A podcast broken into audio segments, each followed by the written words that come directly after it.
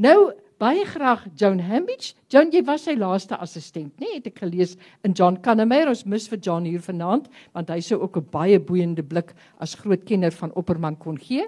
Maar uh die laaste assistent van Opperman, ons liewe Joan wat versies maak en sy gaan vir ons 'n versie lees vanaand.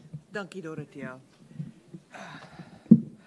Nou ja, ons is al seker almal 'n bietjie deurgesit en deurgeluister. En ek dink dit is 'n fantastiese aand. Hier het soveel wonderlike perspektiewe na vore gekom. En Diederie, ek het verskriklik baie gehou van jou bydrae. Nou ja, daar is baie al gesê oor Opperman die kanoniseerder, Opperman die digter, Opperman die eerste postmodernis in Afrikaans met kunsmis. Opperman die kreatiewe begeleier in sy letterkundige laboratorium waar ek indertyd bygesit het nie as digter nie, maar as jong kritikus. Hy het my toegelaat om dit by te woon of skoon ek in daardie stadium nog nie poësie geskryf het nie. In daardie dae as ek sy assistent, ons praat so van die laat 70er jare. Ek neem vir hom boeke uit in die Carnegie en neem dit laatmiddag na sy huis. Hy is in sy pyjamas en knorrig omdat ek laat is. Hy het gewoonlik in die middag 'n bietjie gedit. Waarheen gaan ons? Kom bys toe, vra ek sien sien nie agtig want ek kan ek want ek kan sien hy's baie omgekrap. Wat? Dink jy jy's in die teater van die absurde? Ons gaan nou studeerkamer toe. Hy trap my uit oor ek vir hom volgens hom 'n verkeerde datum deurgegee het van die sekretaresse. Hy gaan sit. Ek gee vir hom Calvinus Invisible Cities hy raak rustig en ek gaan nog eendag alles opteken oor dit wat ek uitgeneem het rondom die skryf van Komas. Hy tel die jongste penseel op. Dit was daardie tyd die wat ek dink dit bestaan nog steeds die studenteblad van die Afrikaans departement. En daar is 'n kort verhaal in van my van 4 tot 6 met subtiele gay ondertone. Dit moet jy ontgin, sê hy. Skryf dit oop. En Opperman was baie lief om te praat oor seks met my. En hy vertel vir my van Hemingway se ontsteltenis toe hy een keer 'n risie per ongeluk aanhoor tussen Gertrude Stein en Alice B. Toklas, want die arme Hemingway wist nie dat hulle lovers was nie. Hy was natuurlik 'n bietjie verlief op haar, lag hy. Hy gesels oor Erika Jong. Ja, Lina en Antjie hou baie van haar, maar ek vind haar gedigte te chatty. Daarna het hy weer my lewe verander. Ek het begin gedigte skryf. Ek is op besoek in Stellenbosch en bel mevrou Opperman op. Ja, kom gerus. En dit was mevrou Opperman, 'n baie liewe vrou. Ek is geskok om hom te sien. Dit is kort voor sy dood. Dirk, onthou jy haar? Ja, ja, dis Joan Hambidge, my assistent. Hy kyk na my met daai tipiese gemaakte kwaai blik en hy lag en hy sê: "Doen jou pliggie, ou niggie." Ek wens ek kon nou met hom gesels oor komas. En hoe lank voor die postmodernisme 'n modewoord was, het hy alreeds postmodernisties gedig.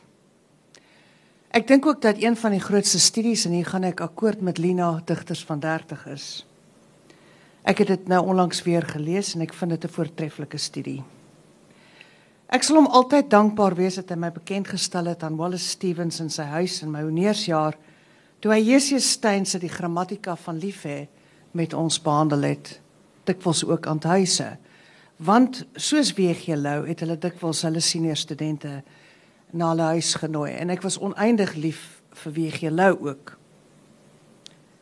My bydra die dag toe ons vir tee genooi het is oor hoekom die naam van die busdrywer meneer Kokemoer nie in die gedig oor Henley aan klip staan nie. Want sê Opperman Die banale mag nooit in 'n gedig wees nie. 'n Groot digter, dit is hy en sal hy altyd bly. En ek bly elke jaar verbuister oor wat 'n mens steeds terugvind in sy poësie. Hy het my lewe verander, my lewe, my lewensuitkyk as digter, dit wat ek my digters leer, het ek alles by hom geleer. Daarom dan vanaand 'n gesprek met hom, belade van die Grysland. Die vroegere boereparadys is nou een molsoop groot en grys. Dit kom uit Tosie se trekkers weer. 1. Hy tonnels van die nag direk oor die landskap van eysterspore. Die vele bindels wat na u vertrek hul opwagting maak. die nuwe eiendoms onbeperk. Met vele digters en diskoerse in die Afrikaanse taal se vele bottelnekke. Deesdae kap ons slote op die internet. Facebook en 'n kollektiewe vers en daba. Die digkuns 'n blote visum by verstek. Is dikwels 'n gezoom om 'n heuningkoek oor wie mag parlando of katalekteer. Soms word stiltes opgeskort, ander kere opgedoek. Daar is draai saaie saa en gille van polemiek sonder om die bundel te lees. Ook herbesoeke met 'n enkele klik. Daar word steeds valse syfers neergekrap. Oneerlike resensies uitgekletter selfs van 'n eggenoot oor 'n bedmarskalk. 2 Na tuine van die nag waar neonligte blom, moes ek dikwels vlug oor 'n gedig van herkenbare geliefde, 'n liefdesbom. Maar die vrees is u die rekenmeester nou moes lees of skerp takseer. Hoeveel van ons sou by u o leermeester 'n heilige bees 'n strak nege ster of 'n joernaal van Jurk kon prakseer. Wees veral versigtig met eendag sterre. Die nag breek grou. Op tafelblad links in my smalle kamer staan leë bottels in hul nat. Ek sukkel steeds om hierdie gedig in balans met u en Tertius tuis te bring o my vrees wat die kritiek mag aanrig 3 die laptop is wit gevlak en koel soos die dubbel skots deur my vloei tot ek die vrees weer lyflik voel. O as die rekenmeester kom wat sal u maak van hierdie pastiche o grootte die o?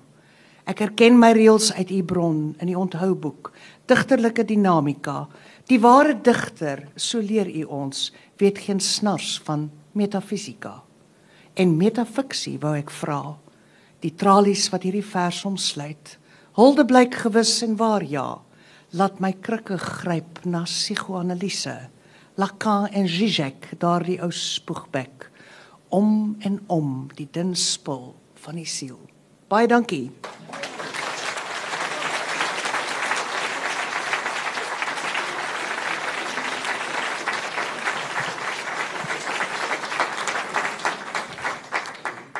Dames en here, ons het aan die einde gekom van 'n aand. Dink ek wat geskiedkundig kan genoem kan word in baie opsigte.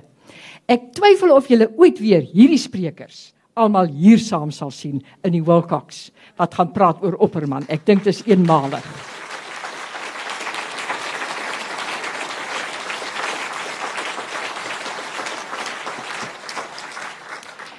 En ek vir, vir al hierdie sprekers vanaand baie baie dankie sê.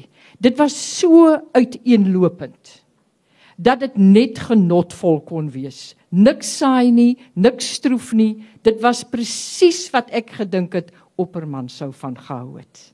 En baie dankie vir al hierdie baie insiggewende dinge wat 'n mens nog baie lank oor kan praat. En julle het tog nou al lank genoeg gekuier, moenie nou verdwyn nie want ons het nou heerlike happies en wonderlike kos. Al ek het nog nie die inwendige mense te hard hoor saam praat nie, maar daar is nou iets wat vir julle elkeen, ons gaan hier na daardie kant van die gebou kuier nog heerlik saam. Daar is werklik heerlike dinge wat vir julle wag. En die aand is nog jonk mense. Moenie nou kom oud voel nie. Die aand is nog jonk en ons kuier heerlik saam en julle kan dit gerus daardie boeiende interessante gedagtes opvolg met hierdie sprekers.